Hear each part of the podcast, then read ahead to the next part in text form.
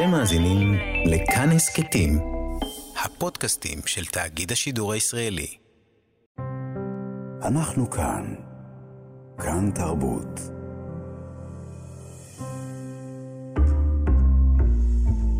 כאן תרבות חונכת את הספרייה הלאומית בשידור חי מירושלים. ועכשיו, גואל פינטו ושרון קנטור. שלום. אה, שוב בוקר טוב, אנחנו בשעה השנייה של המשדר המיוחד הזה של כאן תרבות מהספרייה הלאומית בירושלים. בוקר טוב, גואל. שלום, שרון. אני נהניתי בשעה הקודמת ואני מקווה אה, ליהנות גם בשעה זו. אה, צפוי, צפויות לנו כאן כמה שיחות מאוד מעניינות. נדבר על אוסף האסלאם והמזרח התיכון. נדבר על האומנות אה, כאן בהיכל הזה עם אה, מיכל רובנר, אה, כלת פרס ישראל. יהיה גם המוזיקאי וחוקר מוזיקת ספרד, דניאל עקיבא, אה, ועוד אה, הפתעות. אני אה, צופה שיהיה מעניין. עורך יום השידורים שלנו אייל שינדלר, עורך גם כן תרבות, יאיר ברף, המפיקה הראשית, ילנה גולדנברג, על הביצוע הטכני המורכב הבוקר, משה מושקוביץ, תמיר צוברי ומרק גרגורייב. אנחנו uh, נאמר לכם, uh, מאזינות ומאזינים, אנחנו כל הזמן עם עיניים ואוזניים אל כיוון uh, חדר החדשות. באופן טבעי, כמובן, הימים הם ימים קשים, אנחנו נצטרך לעדכן אתכם במאורעות שקורים, אנחנו כמובן נעשה זאת מיד. אוקיי, אנחנו מיד עוברים אל הנושא הראשון שלנו שפותח את השעה הזו, השעה השנייה. אנחנו נפתח את, ה- את, ה- את השעה הזו בשיחה אודות אחד מהאוספים המרכזיים בספרייה הלאומית, אוסף האסלאם והמזרח התיכון. זה אוסף שמלמדים אותנו שיחגוג בשנה הבאה מאה. מאיפה מתחילים לספור ולמה מתחילים לספור בדיוק בנקודה הזו, אני לא יודע, זו אולי תהיה השאלה הראשונה שאשאל. בניגוד לאוסף היהדות כאן במוזיאון, אני קורא לזה מוזיאון, זה בסדר שאני קורא לזה מוזיאון? מבחינתי אתה יכול לעשות מה שאתה רוצה, הספרייה. אוקיי. בניגוד לאוסף היהדות בספרייה, שמהותו הגעה לכל ספר שפורסם בעולם שנוגע ליהדות, או כמובן שפורסם בעברית, אוסף האסלאם הוא מחקרי באופיו, גם על זה אנחנו נדבר על זה. האוסף אה, זוכה להדהוד ולהערכה בעולם כולו, הוא גם יוצר קשרים לא שגרתיים, בטח לא בימים האלה שאנחנו נמצאים בהם. נברך לשלום את הדוקטור שמואל סם תרופ, הוא אוצר אוסף האסלאם והמזרח התיכון בספרייה הלאומית. שלום לך. היי, שלום, שלום, בוקר טוב. אני חושבת שנתחיל בלשאול מה יש באוסף הזה, ואולי גם מה אין בו. או, או שאלה או, טובה. תשמעי. ושאלה מאוד מרגשת, הייתי אומר. Uh, יש באוסף שלנו, כאן בספרייה הלאומית, שכן חוגגת 100 שנה, מאז ש... שהאוסף נוסד ב-1924, בשנה הקרובה. יש חצי מיליון ספרים מודפסים, יותר מ-2,500 כתבי יד, נדירים מאוד בערבית, פרסית וטורקית, מאות עיתונים בערבית ופרסית מכל רחבי, רחבי uh, המזרח התיכון, פרטי אפמרה, הקלטות, uh, תיעוד בעל פה, יש מגוון, מגוון, מגוון מאוד רחב של פריטים ודברים. איך הגיעו אלינו הפריטים האלה? את יודעת מה, את שואלת איך הגיעו אלינו הפריטים, אבל את מרשה לי עוד לפני כן לשאול איך בחור אה, אנגלו-סקסי שכזה, עם מבטא אמריקאי מאוד שומעים, גדול, שומעים שקוראים לו סאם, אה, הופך להיות עוצר אה, אוצרות האסלאם בספרייה הלאומית? שאלה במקום ממש. אז אני אמריקאי במקור, כפי ששומעים היטב. Uh, הכל התחיל עם התלמוד דווקא.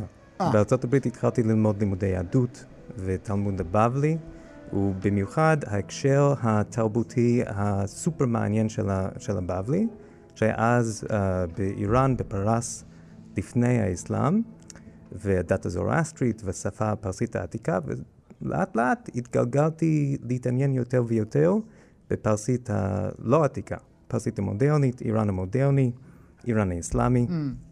ואתה דובר את השפה? אני דובר את השפה, uh, ואף פעם לא הייתי במודיעין. אוקיי, מעניין. מעניין. Uh, ומאיראן הגעתי בעצם גם לשפה ערבית uh, ולאזור שלנו.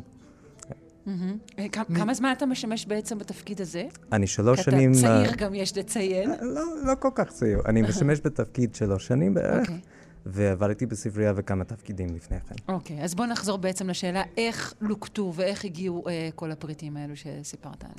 אוקיי, אז כל הסיפור מתחיל בעצם ממש ב-1924. Uh, באותם שנים, לפני, uh, לפני קום המדינה כמובן, וגם לפני ש, שהאוניברסיטה העברית, האוניברסיטה הציונית הראשונה כאן בארץ, uh, נפתחה, התנועה הציונית uh, שלחו שליחים לכל רחבי העולם, uh, במיוחד באירופה, לאסוף ספרים. לאסוף כאילו ספריות פרטיות ומחקריות ופריטים חשובים לספרייה הלאומית וגם לאוניברסיטה, שהם היו uh, באותה תקופה בעצם מוסד אחד. אז uh, הספרייה המחקרית הפרטית של איגנן סקוציו, uh, שהוא היה אחד מהחוקרים החשובים של האסלאם באירופה, מי שבעצם ייסד את, את uh, חקר האסלאם המודרני.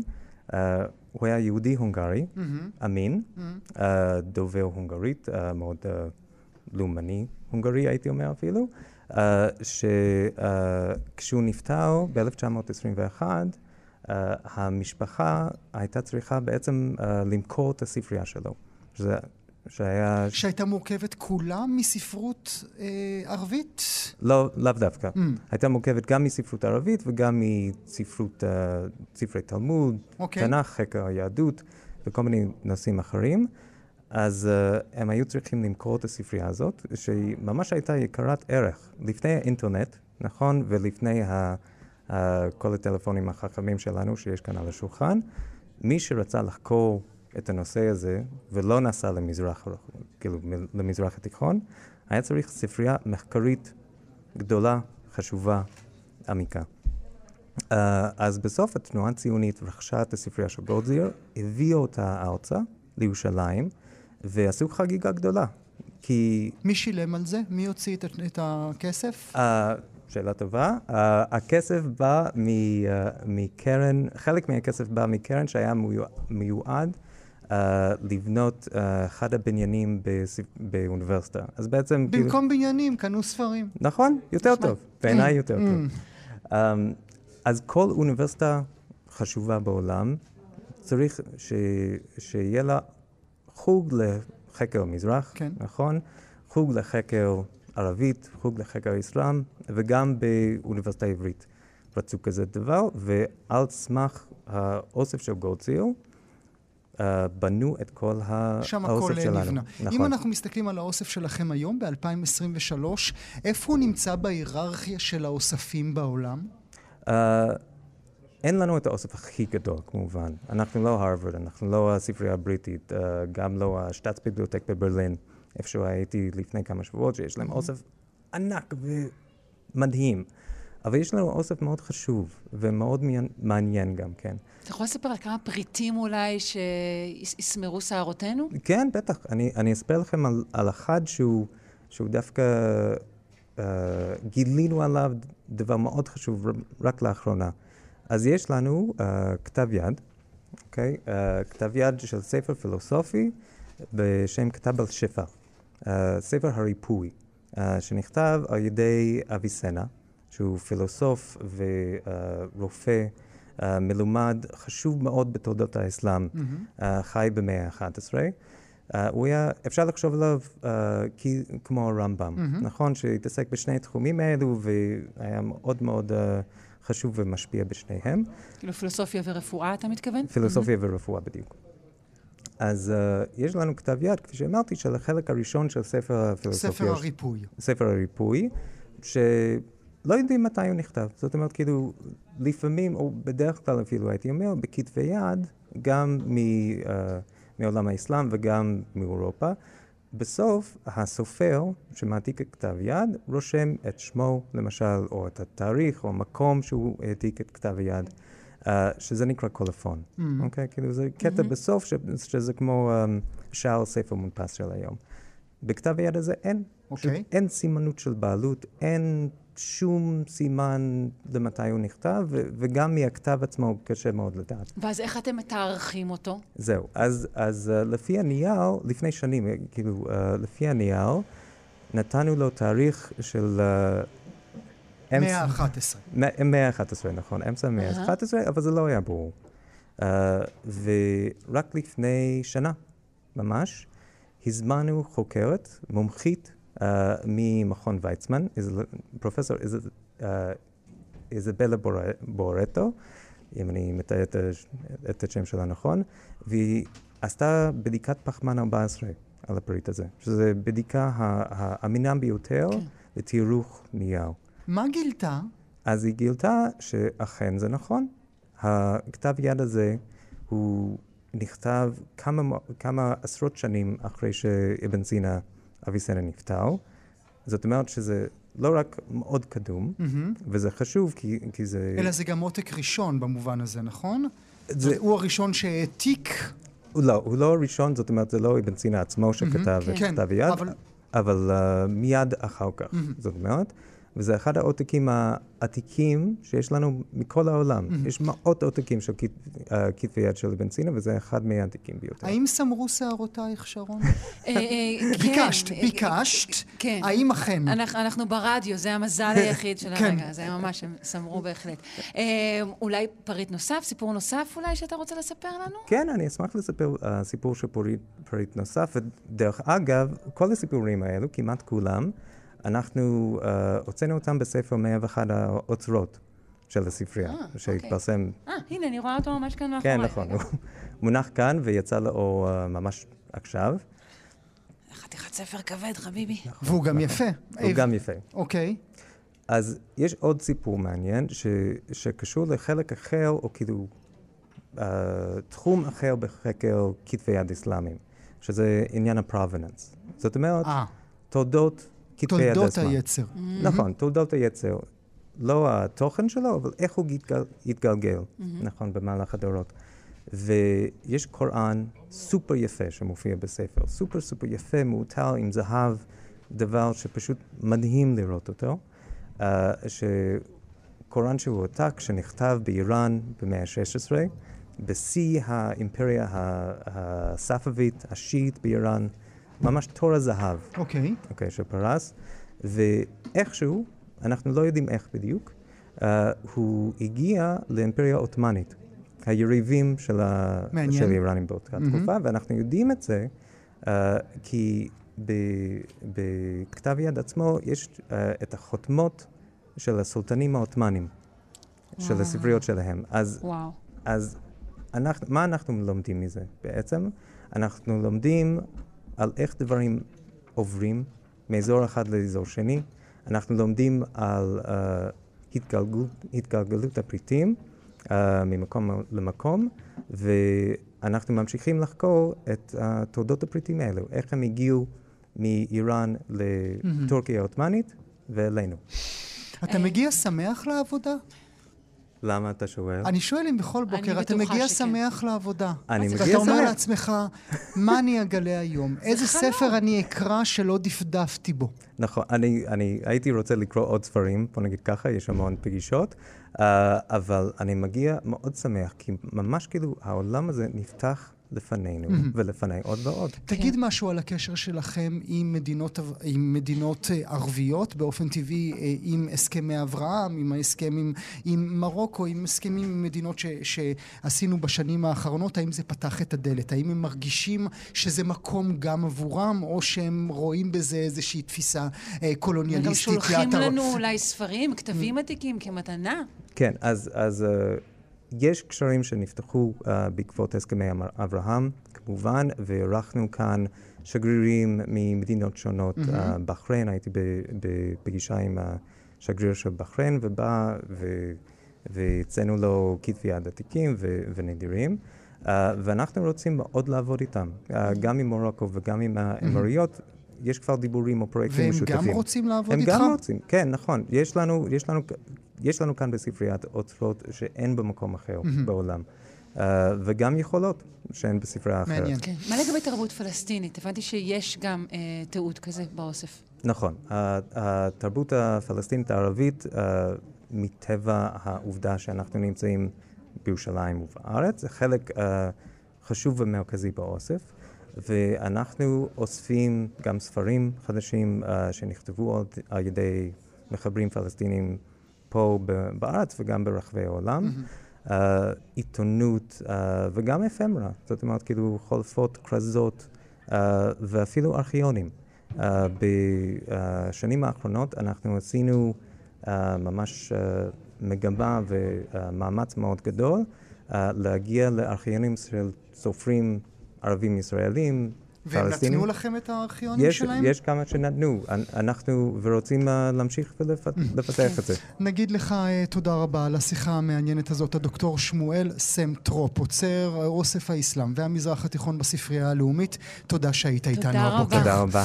ואנחנו עוברים עכשיו על הכתב המשוטט שלנו. תומר, תכירי. שלום. אנחנו רוצים לדעת איפה בבניין הספרייה הלאומית אתה נמצא. אז זהו, הלכתי קצת לאיבוד והסתובבתי והגעתי אה, לאולם הספרים הנדירים של הספרייה הלאומית. ואם קודם, בשעה הקודמת ברובוט, אמרתי לכם שזה המקום הכי נמוך בספרייה, הכי עמוק בספרייה, עכשיו אנחנו במקום הכי אדום בספרייה. זה אולם אה, קריאה מהמם שכולו עטוף ב... אה, שטיחים והכל ריפוד אה, בורדו חזק, נראה כמו אה, בית לורדים, אני בטוח שגואל מאוד יאהב את המקום הזה. אה, ואיתי אה, דוקטור אלכסנדר גורדין. בהיותו לורד כמובן. בהיותו לורד, אה, יש לו גינונים של לורד, את יודעת, אז לא, באמת, הכל פה בורדו אדום בוהק. ואיתי דוקטור אלכסנדר גורדין, שהוא מומחה לכתבי יד, והוא גם מנהל את אוסף הספרים הנדירים של הספרייה הלאומית. אהלן. שלום, שלום. מה, מה יש לנו פה בעצם? איזה, איזה, איזה ספרים יש לנו כאן? אה, אני רק קצת אתקן, זה בעצם נקרא אולם לאוספים מיוחדים. מגיעים לפה ספרים נדירים, ארכיונים, כתבי יד, גם אה, תצלומי כתבי יד, יש לנו אוסף גדול. אה, מה שמופיע פה בעולם עצמו זה לא כל כך אוסף גדול, יש פה ספרי עיון. מה שאנחנו מכינים פה, יהיה פה אוסף שנקרא אוסף ולמדונה. זה אוסף יפה, שהיה בעצם אוסף, האוסף הפרטי של ספר העברי הכי חשוב, הכי גדול כנראה, והספרייה קנתה אותו לפני כמה שנים. עכשיו הוא יהיה ממוקם פה בתוך האולם בארונות זכוכית, שאפשר יהיה עקרונית להזמין אותם, אבל הם יהיו ככה לתצוגה בתוך. בעצם יש לנו פה ספרי קודש וספרי, אה, אה, אה, ספר הזוהר, ספרי קודש, ספרי יהודים מכל מקום שהיה בו מושב יהודי בעולם, נכון? יש פה ספרים מאזמיר, מאמסטרדם, מה עוד? כן, פחות או יותר. זה בעצם הרעיון של האוסף, הוא מסודר לפי הערים, לפי מקומות הדפוס. אה, יש פה ספרי קודש, יש פה ספרות אה, מקראית, הלכה ומדרש וכולי, אבל יש, אה, כאילו, עיקר העניין פה זה להראות את ההיסטוריה של הספרים, איך זה התפתח בקהילות שונות בעולם, באירופה, באסיה, במקומות שונים, וזה באמת נראה מאוד מרשים בתוך העולם, כן? מה, מה, איזה ספרים נדירים? מה אחד הספרים הכי עתיקים או נדירים שיש פה? כי זה באמת דברים מאוד מאוד מיוחדים מאחורי הארונות זכוכית האלו. אה, פה זה בעצם מתחיל מתחילת הדפוס, מ 15 אבל אם לדבר על ספרים נדירים אה, באוסף הספרייה, אז יש לנו די הרבה כתבי יד, יש פה אלפי כתבי יד עבריים, זה בעצם האוסף המרשים. מה למשל? אה, או, יש פה דברים באמת חשובים, יש פה מחזור וורמס המפורסם, יש פה שני כרכים של אוטוגרף של הרמב"ם, פירוש המשנה שלו, כתוב בערבית באותיות עבריות, איך שזה מקובל שם, ממש בכתב ידו של הרמב"ם. הרמב"ם, עם הערות של בנו וכולי. Uh, לגבי התקופות, אני מניח שהכי קדומים זה בעצם מאה התשיעית. אין mm. שם בדרך כלל תאריך שממש רשום בתוך כתב היד, אבל אפשר להעריך שכן, ממאה התשיעית כבר יש לנו כתבי יד. Uh, האוסף הגדול זה כתבי יד עבריים, uh, יש גם אוסף נכבד כתבי יד רביעיים, פחות גדול זה לטינים. הבנתי. ואם אני רוצה עכשיו לדפדף בכתבי יד של הרמב"ם, אני צריך להזמין במיוחד, זאת אומרת, אפשרות לבוא ולשבת, שמישהו יוציא פה את הספר, וזה תחת השגחה בעצם? אה, בוודאי, בוודאי. האוטוגרף של הרמב"ם זה לא משהו שככה יוצא כל שני וחמישי, ברור. אה, בעיקר מגיעים לפה חוקרים רציניים. אם מישהו באמת צריך לעבוד על האוטוגרף בצורה המקורית, זה קורה ממש במקרים נדירים, אבל כן, זה מגיע לכאן, צריך לקבל הרשאה מיוחדת להזמנת הנדירים, אה, גם לארכיונים יש הרשאה מיוחדת. תומר, תשאל אותו הרשאה ממי, כי אני כבר יורד למטה אחרי השידור. הרשאה ממי, זהו, מי אחראי על... לראות את כתב ידו של הרמב"ם. מי מי צריך לבקש רשות? אה, זה בעצם טופס מקוון בתוך האתר שלנו, ממלאים ושול... אה, לגבי ארכיונים זה אנחנו נותנים בעולם, לגבי נדירים, כתבי יד וכדומה, זה בעצם מגיע לדלבק ההשאלה, הם כבר עושים את זה, יש להם קריטריונים, בודקים בדרך כלל איזשהו קשר לאוניברסיטה או למשהו כן, מחקרי. דבר איתי גואל, אני אסדר לך אה, משהו. אה, הבנתי גם שאתה אתה יכול כבר לדאוג לזה, אני יורד משידור ב-11 ודקה. רגע, אלכסה, אתה אחד מהעובדים הוותיקים של הספרייה הלאומית, נכון? אתה משנות ה-90, אחד מהוותיקים. איך, זה מרגש אותך המעבר הזה? מה השתנה לעומת אולם הספרים הנדירים מהספרייה הקודמת? כן, זה מצחיק לחשוב על עצמי מוותיקי הספרייה, יש בטח הרבה יותר ותיקים, אבל כן, התחלתי פה ב-96, פה זאת אומרת בבניין הישן כמובן, אה, התחלתי במפעל הפלוגרפיה העברית, זאת אומרת, מין מכון מחקר של כתבי יד. אה, כמובן, המעבר זה משהו שחיכינו לזה הרבה זמן, אז עצם, ה, עצם המעבר כאילו כמשהו שהושלם זה כבר דבר גדול. אנחנו כמובן עדיין בכל מיני הכנות, כל, כל מיני דברים שצריך, אה, לגבי הספרים נדירים זה במיוחד בולט, שהם עדיין לא... נגישים, הם עדיין במעבר. כן, רגע, איפה הם בעצם? כי חצי מהאולם עדיין ריק. הארונות עדיין חלק ריקים. כן, הנדירים עצמם, הם כמובן יהיו במחסן, הם לא יהיו ככה, אבל הם פשוט במעבר, חלק גדול עדיין בבניין ישן, והם כאילו עושים את הדרך. אה, ואני מקווה שבינואר, מקסימום פברואר זה כבר יהיה נגיש, אז אפשר יהיה להזמין את זה לעולם שלנו. יפה. טוב, תומר, תודה רבה, אנחנו נגיד לך uh, תודה רבה על הדברים האלה, תודה, תודה ששיטת, ששוטטת uh, עבורנו. נמשיך לשוטט. תודה לשניכם. ביי ביי. אנחנו כאן uh, מאזינות ומאזינים במשדר מיוחד של כאן תרבות לאורך היום כולו, שידור ישיר מהספרייה הלאומית במשכנה חדש. מי עכשיו איתנו? החיוך שעל פניי אומר בהחלט שיש כאן גיטרה. אבל זה רדיו, לא רואים שאת מחייכת. אז אני אומרת, אני מחייכת ואני גם אומרת שיש כאן גיטרה. נמצא איתנו אה, דניאל עקיבא, הוא מלחין, אה, גיטריסט, נגן לאוטה וגם חוקר מוזיקה. שלום. שלום רב. אה, אז לבושתנו, אנחנו לא מספיק מכירים את יצירתך, על אף שאתה בעצם מוזיקאי מוכר מאוד בעולם. חזרת גם כרגע מסיבוב הופעות, נכון? כן, נכון. ספר לנו קצת איפה הופעת. ביום ראשון חזרתי, היה לי קונצרט בברלין. זה היה קונצרט למען ישראל, לכן הרשיתי לעצמי לנסוע, קונצרט של הקהילות היהודיות, אה, היו שם גם אה, אנשים מהאופרה של ברלין, מוזיקאים, זה היה מגבית למען ישראל, וזה קונצרט שביצעתי יצירות שלי עם הזמרת, זמרת הסופרן סיוון גולדמן, זה היה קונצרט מאוד מרגש עם מאות אנשים, ו... חזרתי, ולמעשה לפני שבועיים חזרתי מארצות הברית מסיור דומה של קונצרטים בלנסינג, במישיגן ובאן ארבור. גם לקהילות היהודיות, זה גם היו, היו קונצרטים למען ישראל, ובפרזנו שבקליפורניה ביצעו בבחורה עולמית קונצ'רטו שכתבתי לצ'לו ולתזמורת בפסטיבל צ'לו, שהיו שם 150 משתתפים, 150 צ'לנים מכל העולם, וואו. אה, בבחורה עולמית עם אה, פרופסור תומאס לובנהיים, שהיה תלמיד שלי בעבר, והוא היום פרופסור בכיר בפרזנו, ושם נתתי גם כיתות אומן mm. על מוזיקה ישראלית לדורותיה, על המוזיקה שלי, סדנאות אלתור, כיתות אומן למלחינים. לתיאורטיקאים. איזה זכות אה, יפה. מה תנגן לנו כן, בתור התחלה, כדי שבאמת נטעם אותך? כן, אז נתחיל ממשהו, זאת אומרת, אני אנגן משהו ישן יחסית, שכתבתי ב-1984, כתבתי סוויטה רומנסרו לזכר ידידי אברהם פררה, שנפטר mm. בדמי ימיו, עבדתי איתו ממש אה, על, על תקליט. אבא של ש... חבר שלנו, שרון, כן, אבא כן. של אהרון פררה. אז כן. כתבתי סוויטה רומנסרו, שאני אגן את הפרק הראשון, זה פרק קצר שמבוסס על... על קנטיגה מאוד ידועה, שזה גם אה, פיוט, אה, צור מי שלא אכלנו, או לרוזה אין פלורסה.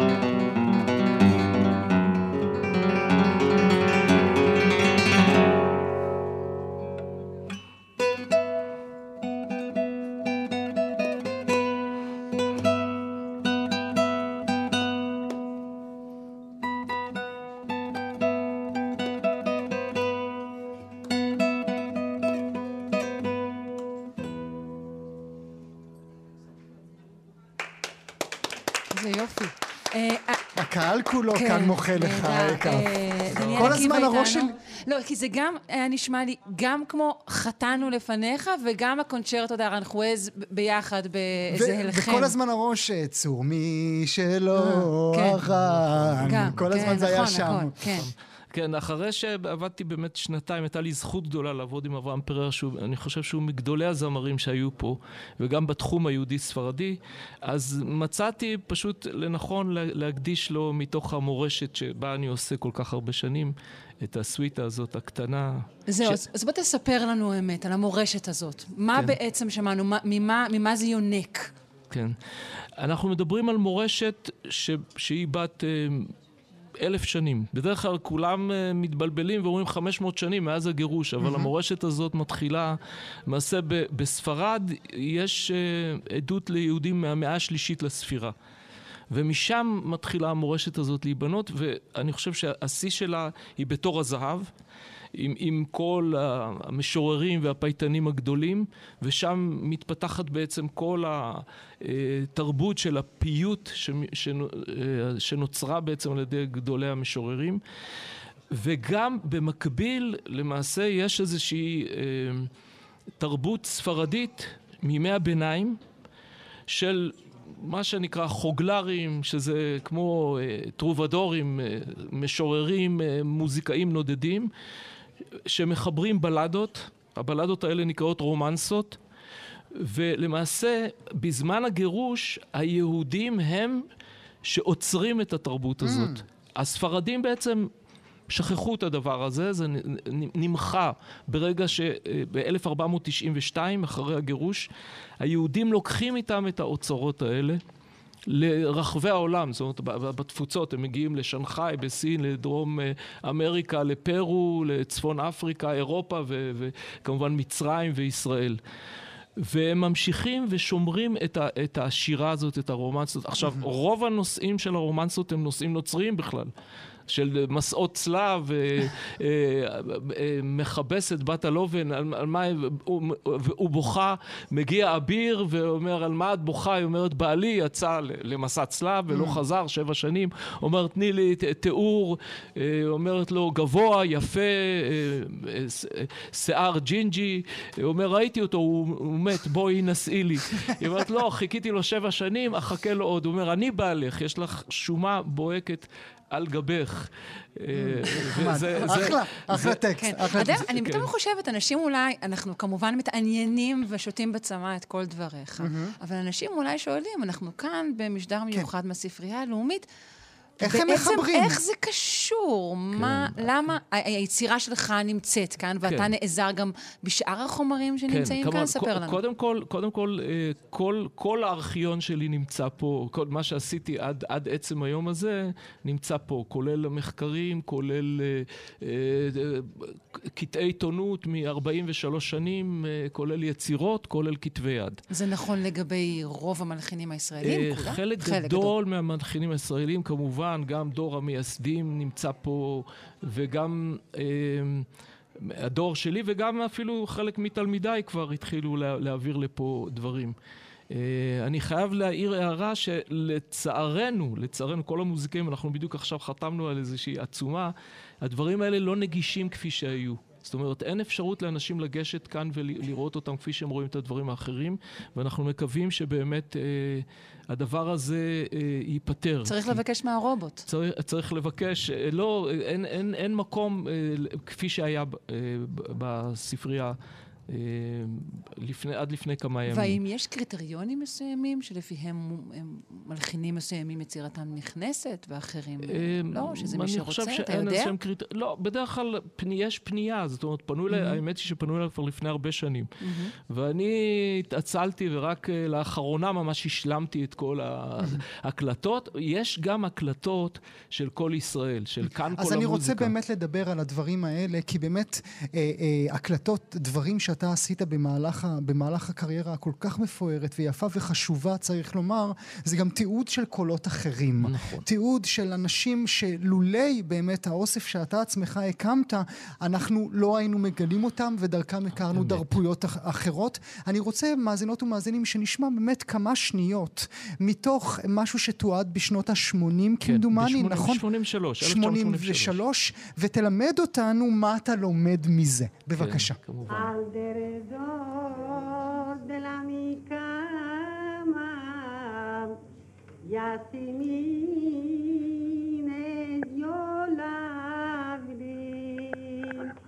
que me pasen que me colga el amor me trozó aquí מה אנחנו שומעים כן. ומה אנחנו לומדים. אנחנו שומעים מידענית, מה שנקרא, או אינפורמנטית. אינפורמנטית זה נשמע משהו קצת שקשור לשב"כ, אבל זה קשור למוזיקולוגיה. ב-1982, כשהתחלתי לעבוד ביחידת הפולקלור עם יואל רקם, שירש את זה מיצחק לוי, אבא של יסמין לוי והבעל של כוכבה לוי, אה, ויואל רקם, אני זוכר, הוא אמר לי אז, אתה כל החיים תעסוק בדבר הזה ותיגע טיפה בים הגדול אוקיי, הזה. גם אם ו- תעסוק כל חייך. כן, ממש. אה, והלכתי עם עוד אנשים טובים, באמת אנשי אקדמיה, מוזיקאים, אה, מוזיקולוגים. הלכנו לבתי אבות. עם, היה מכשיר שנקרא נגרה, עם, עם טכנאי, עם, זה היה מכשיר טוב מאוד, זה סלילים, עם מיקרופון מצוין, והקלטנו אלפי, קולות. אלפי קולות ואלפי. שירים. כן. כן. עכשיו, העניין הוא, זה, אני מדבר פה ממש על זהב שעוד לא בעצם, אה, ש, זהב שנמצא עדיין באדמה, זאת אומרת, או יהלומים מכוסים. למה זה זהב? למה זה יהלומים? זהב כי הם בעצם, אינפורמנטים זה מידענים שיודעים מאות שירים בעל פה, יודעים נוסחים שונים. מכירים גם נוסחים של, של טקסטים וגם אה, מלודיות שונות. Mm-hmm. עכשיו, זה אנשים מבוגרים מאוד. עכשיו, התפקיד שלי ושל חבריי בתחום הזה, זה לחשוף ולנקות ולכסות... כי הכל היה נעלם. נעלם. עכשיו, לא רק זה, אתה שומע, אל דרדור דלמיק, ואז אתה, אתה פותח את הדבר ורושם אותו, מכיוון שאני מכיר את הדברים גרסא דיאנקותא, ואתה שומע, אל דרדור דלמיקמה, זה השיר שהיא שרה. וכשאני נותן אותו לזמרת כמו יסמין לוי, או כוכבה, או שני אושרי, זמרת צעירה, אז זה פשוט הדבר הזה עולה כפורח. מקבל חיים לגמרי. אנחנו מקבלים פה גם טקסטים, טקסטים, ש- כמו שאמרתי, טקסטים של בלדות, רומנסות, אה, שמגיעות מהמאה השביעית לספירה. הדבר הקדום ביותר זה המאה השביעית לספירה. וואו. וגם הדברים האלה, מאזינות ומאזינים, וזה חשוב לומר לפני שנשלח אותך מיד לבצע עבורנו, אה, ברשותך, אה, קטע נוסף, גם זה התפקיד של הספרייה הלאומית. לשמר. את התרבות היהודית כולה, לא רק את המילים שנכתבו, גם הצלילים, גם הטקסטים עליהם אה, מוזיקה, מדובר הג- עכשיו. הגייה שכבר איננה. נכון, נכון, ובאמת, התרבות היהודית כולה. אה, אה, דניאל, בוא נשמע אותך בבקשה בקטע נוסף. כן. מתוך אותה סוויטה אני אנגן, שוב, קטע קצר, שיר חתונה. דזיילדה על המורנה. אני רוצה כמה מילים רק על, על, על שירי, הח- שירי החתונה. הם בעצם מושפעים משיר השירים, מתארים את הכלה היפהפייה, העברייה, שהיא... היא תמיד אומרת- יפהפייה. תמיד יפה, היא אומרת, הייתי לבנה והשמש שזפה אותי. זה השפעה של שיר השירים, שחורה אני ונבה. דזיילדה על המורנה, הנשים שרות את זה בדרך כלל, שמוציאות את הכלה מבית המרחץ, עם תופי מרים, וכאן אני עשיתי איזשהו חיקוי קטן לתופים, בגיטרה יש איזה אפקט כזה, דזיילדה על המורנה. למחוא כף תוך כדי או שזה יפריע לך? אפשר לש- להקשיב, אני חושב, כי יש זה פה... יפריע, הבנתי, תמחא כף הבנתי, בראש. בלב. בלב. בבקשה, דניאל.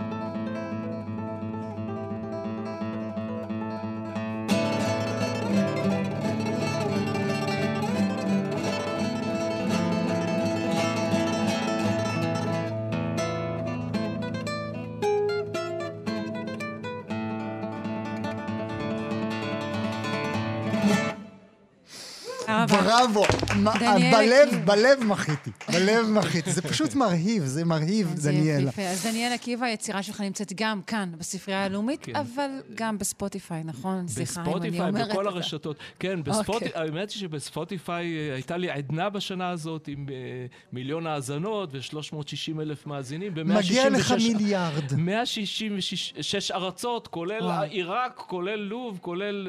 אנחנו מבינים למה. אנחנו מבינים למה. אני לא יודע נצטרף למה, אני אליהם. לא עשיתי שום דבר, זאת אומרת, רק תקליטים דניאל מונחים שם. עקיבא, תודה רבה, תודה רבה. שהיית איתנו. שניגנת עבורנו, וגם כל העבודה החשובה שאתה עושה באיסוף ותיעוד. אנחנו כאן, מאזינות ומאזינים, במשדר מיוחד של כאן תרבות, מהיכלה החדש של, של הספרייה הלאומית שבירושלים. נמצאת איתנו עכשיו אחת מבחירות האומניות הישראליות בעולם. היא הציגה במומה, בלוב, גם בוויטני, בביאנאי לוונציה, כמובן היא שימשה כנציגת ישראל.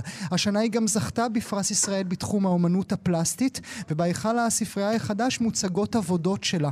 נברך לשלום את כלת פרס ישראל, האומנית מיכל רובנר. שלום מיכל.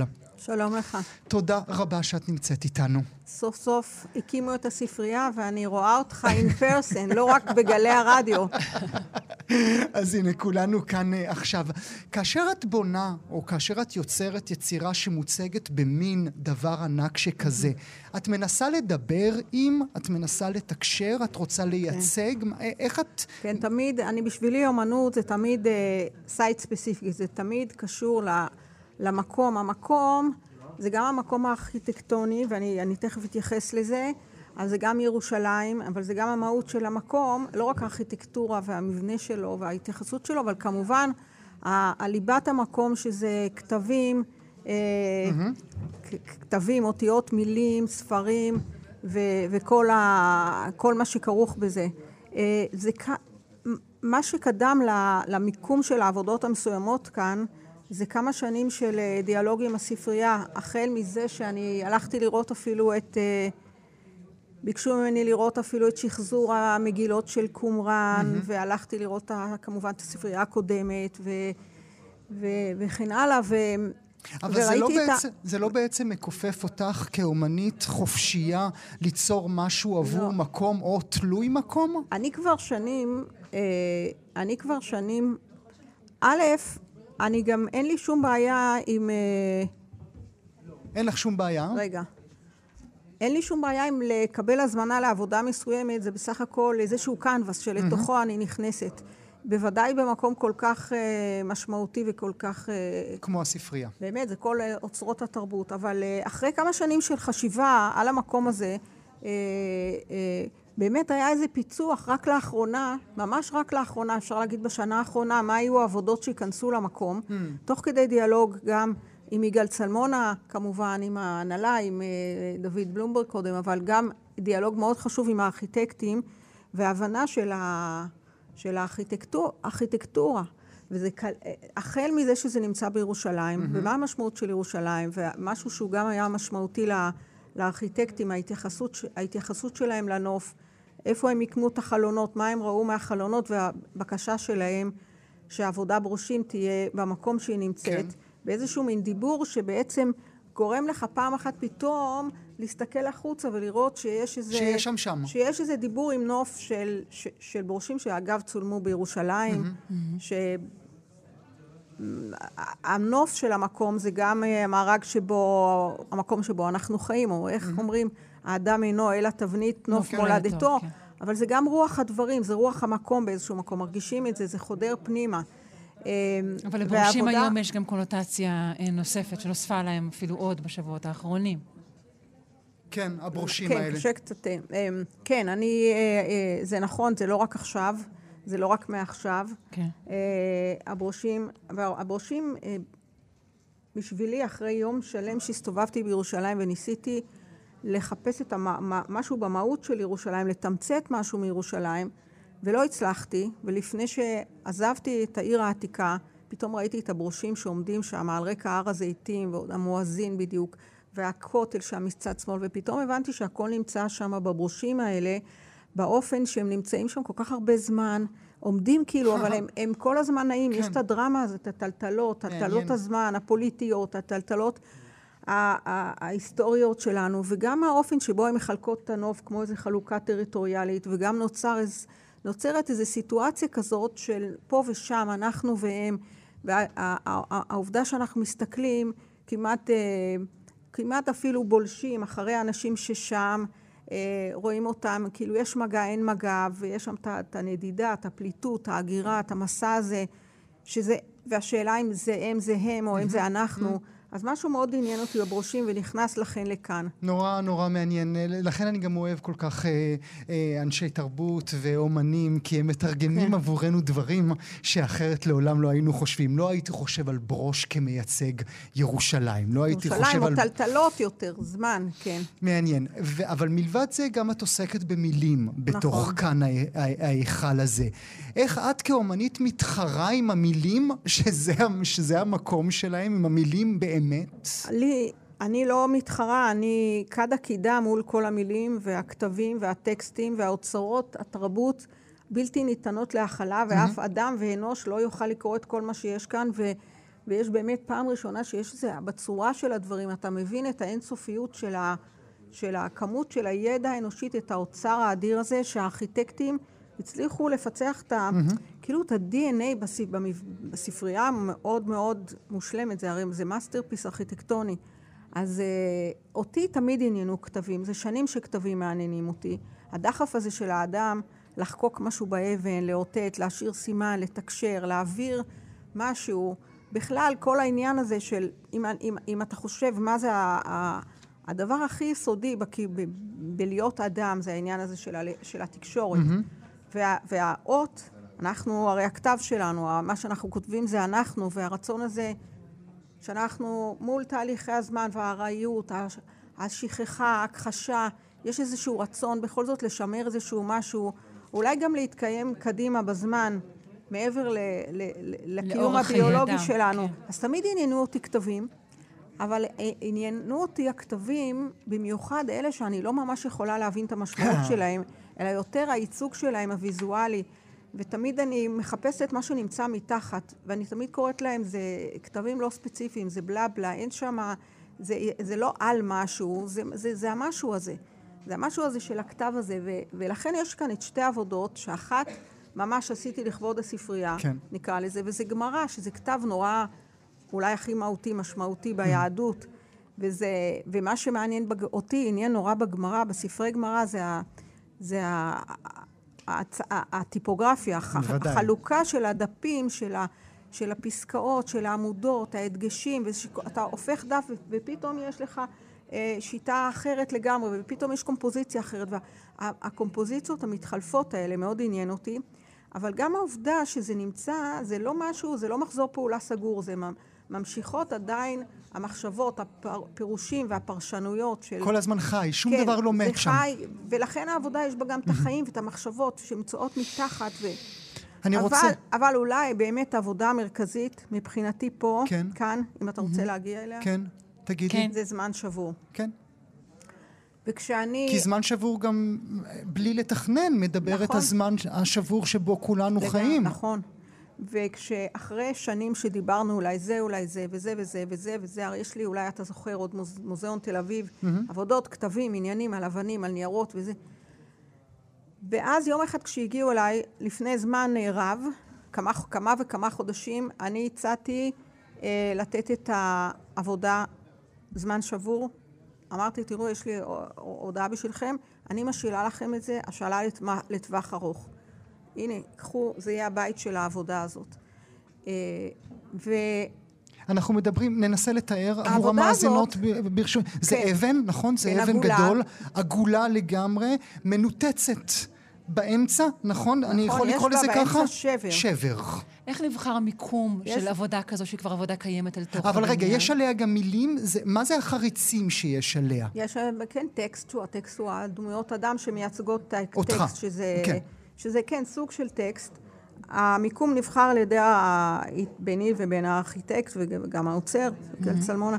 אה, אבל זה, זה שתי אבנים כל אחת, שתי, שני חצאים של שלם, כל אחת זה 750 קילו, זה אבן מאוד כבדה, יחד זה טון וחצי. אה, וזה מייצג שלם שהוא בעצם, הוא שלם שהוא שבור. קודם כל, אה, זה גם מייצג עולם, זה מייצג גם זמן. הספרייה, דרך אגב, אם לא אתם שמתם לב, בוודאי ש, שהיא בנויה סביב עיגול. כן. והעיגול הזה זה נגמר בבאר שהוא באר הידע. אז יש פה איזה דיאלוג שהוא מאוד חשוב בין האבן העגולה לבין הדבר הזה. אבל מה שהיה באמת, וזה כאילו, זה משהו מוצג ארכיאולוגי, כאילו נחשפה איזו שכבה ארכיאולוגית, נכון. שהיא חושפת איזה קונפליקט או שבר שהוא רלוונטי לנו עכשיו. לכן, בשלושה ימים אחרי השביעי לאוקטובר, עמדו בשבוע הזה לפתוח את הספרייה, ואני בכל זאת הזעקתי את הצוות להגיע לכאן ולהקים את העבודה הזאת, וזאת העבודה הראשונה שאנחנו הקמנו, זה זמן שבור, וזה היה משהו באמת כאילו האומנות פוגשת מציאות, ומציאות. אומנות, ב- את מצליחה ברגע בכלל כזה. ליצור בתוך שבר שכזה, הלב שלך לא נשבר נורא, כי מלבד זה, כאמור, כאמור כמו שאמרת, ממש כשזה קרה, אבל גם יש את אלה השמות, אה, עבודה כן. שלך שעוסקת ברשימת הנרצחים והחללים על רקע ברושים וטרשים, יש גם את העבודה שלך, איתותים 2023, שמוקרנת על מסקים כחלק ממיצב בקמפוס בצלאל שקורא להחזרת החטופים. את מכריחה את עצמך לעבוד, כי אחרת ת- תשבי ותבכי כל היום? אני גם יושבת ובוכה, והמקדש החדש שלי זה הטלוויזיה. כן, את, את צופה? אני בהחלט צופה, כי אני גם, אה. אני, אני גם עם כל זה שאני תמיד אומרת שאני אוהבת אה, לצאת, אה, להתרחק מהמציאות, להתחיל מהמציאות, להתרחק, אני מאוד מאוד בפרטי הפרטים של המציאות. אני גם מרגישה מחויבות לשמוע גם את הסיפורים וגם מה שקורה לאנשים וגם לראות את ההלוויות כל ערב. כל הדברים האלה, אני, המגע הזה במציאות, ללכת לכיכר החטופים, שהייתי שם בשבת, שזה באמת, זה קשה מנשוא. אה, ומצד שני, העבודות האלה שעשיתי, אלה השמות, שזו עבודה שהחמ"ל האזרחי ביקש ממני אה, לטקסי הזיכרון ה-30 שהיו בהבימה ובהיכל התרבות, אני באותו רגע עצרתי את העבודה שלי, שכרגע אני מכינה תערוכה בכלל לניו יורק, לגלריה בניו יורק, שבהחלט מהדהדת את מה שקורה כאן. אה, הולכת להיות תערוכה קשה וחזקה, ונראה לי שחשוב להציג אותה כי היא כאילו... אבל, אבל מבחינתי, כל פעם שאני מתבקשת לעשות משהו, אני, אני מאוד מאוד שמחה, הקדשתי לזה כשבוע, להבין מה לעשות ולעשות את העבודה שזה איזה שעה וחצי, שכל שם מקבל את הזמן שלו, את המקום שלו, מופיע, נעלם, שהוא לא יהיה בתוך רשימת נפגעים, mm-hmm. כמו כל הרשימות. אני, מרגישה שאני, כמו כולם מגויסים, גם אני צריכה להיות. מגויסת. אבל זה גם עבודה בעבודה? כי כל הזמן את צריכה להוסיף? כן, אני, כ- כרגע היא, היא, היא בוצעה לשלושים לחודש, אבל, אה, אבל אם... אה, ליום אני- השלושים, אני- ליום לציון השלושים, השלושים, ליום כן. השלושים, היו נרצחים וחללים, אבל אני בהחלט, אה, בהחלט חושבת שיש מקום אה, להמשיך אותה. אמנם זו הייתה באיזשהו קונטקסט של, כן. כן. של העסקו, אבל אני חושבת שבהחלט, כרגע האורך שלה, המדהים, שזה לכן זה לקח כל כך הרבה זמן, זה שעה וחצי. אוקיי. שעה וחצי שמופיע שם, נמצא, אתה איתו, הוא נעלם, הוא מגיע משאיר להם את האין יותר, שלו. מיכל. ואני חושבת שאני, ש, שיש מקום להוסיף ולהוסיף ולהוסיף. וגם העבודה השנייה, זה, זה באמת איזה מין הרגשה כזאת, ש, שיש אה, משהו כל כך כל כך דחוף ובהול, ואם אני יכולה, אני קוראת לזה, אני קוראת לזה גיוס, אתה יודע, כמו מילואים, אני מפסיקה הכל, ואני הולכת לעשות את הדבר הזה, הולכת לירושלים עוד יום יש ועוד יום. חשיבות אולי נתאר לתרבות את העבודה השנייה, שבעצם כן, אנשים פחות מכירים? כן, עבודה שנייה, יש בה שורות שורות, כמו כתב כזה גם, שהוא אפשר להגיד מסכים, שורות שורות של דמויות סכמטיות כאלה, שהן מאותתות איתות שהוא האיתות הבסיסי האוניברסלי של SOS, הנה אני כאן, תצילו אותי, שימו לב אליו, אם את נופלת על איזה הר ורוצה שיבוא מטוס לחלץ אותך, את תעשי את זה, זה משהו מוכר, אוניברסלי, אל תשכחו אותי. ובתוך ה, הגוף יש גם אה, כתם אדום כזה, יש איזה צבע אדום כזה, שבחלקם הוא כבר שחור, אבל בחלקם הוא מהבהב, והוא מהבהב איתותי, אה, איתותי זעקה, סכנה, אותות אה, מצוקה כאלה. ו... וזה מופיע, זה האוצרת שרון בעלבן בצלאל, סטודנטים עזרו גם, זה מופיע ליד מסכים של אה, חטופים, בעצם בתור, באיזה רגע שכל העבודה מחשיכה ונשארים רק האיתותים האדומים האלה, כמו לוח בקרה כזה שמאותת, כמו צ'קלקות, כמו צבע אדום בטלפון או בכלל, שמאותת אה, אה, בדחיפות, בדחיפות להציל אותם. תצילו אותם, תצילו אותם. 135 אה, חטופים נמצאים כרגע אה, בעזה, איש לא יודע מה עלה, מה יעלה בגורלם, תריך, תמיד צריך אה, לזכור ולהזכיר אותם. מיכל, מה בעינייך התפקיד של התרבות והאומנות שלך כאומנית ברגע הזה בו אנחנו חיים, אם בכלל? בכלל, אני חושבת שהתפקיד של האומנות זה, קודם כל האומנות תמיד נובעת מהמציאות, היא תמיד מתקשרת את המציאות, היא תמיד, אה, היא תמיד, אה, המציאות היא תמיד נקודת התחלה והיא היא, היא ערוגה בתוך המציאות. ו, ומה שהיא מאפשרת זה קצת איזושהי סטייה מהמציאות, איזו נקודת מבט אחרת, איזה אולי יכולת, אולי איזה אפילו פיתוי ל, ל, לגעת בדברים שקשה לגעת בהם באופן mm-hmm. אחר. אה, להחזיק איזה מרחב שבו אתה, אתה יכול רגע כביכול לנוח מהמציאות, אבל בעצם לחזור אליה, להגיע אליה שוב. אז, אז, אז גם לזכור אולי, אה, אולי לזכור שיש איזה מין מימד של זמן, mm. שהזמן, אנחנו ברגעים נורא אקוטיים, אולי זה לוקח קצת לאיזשהו...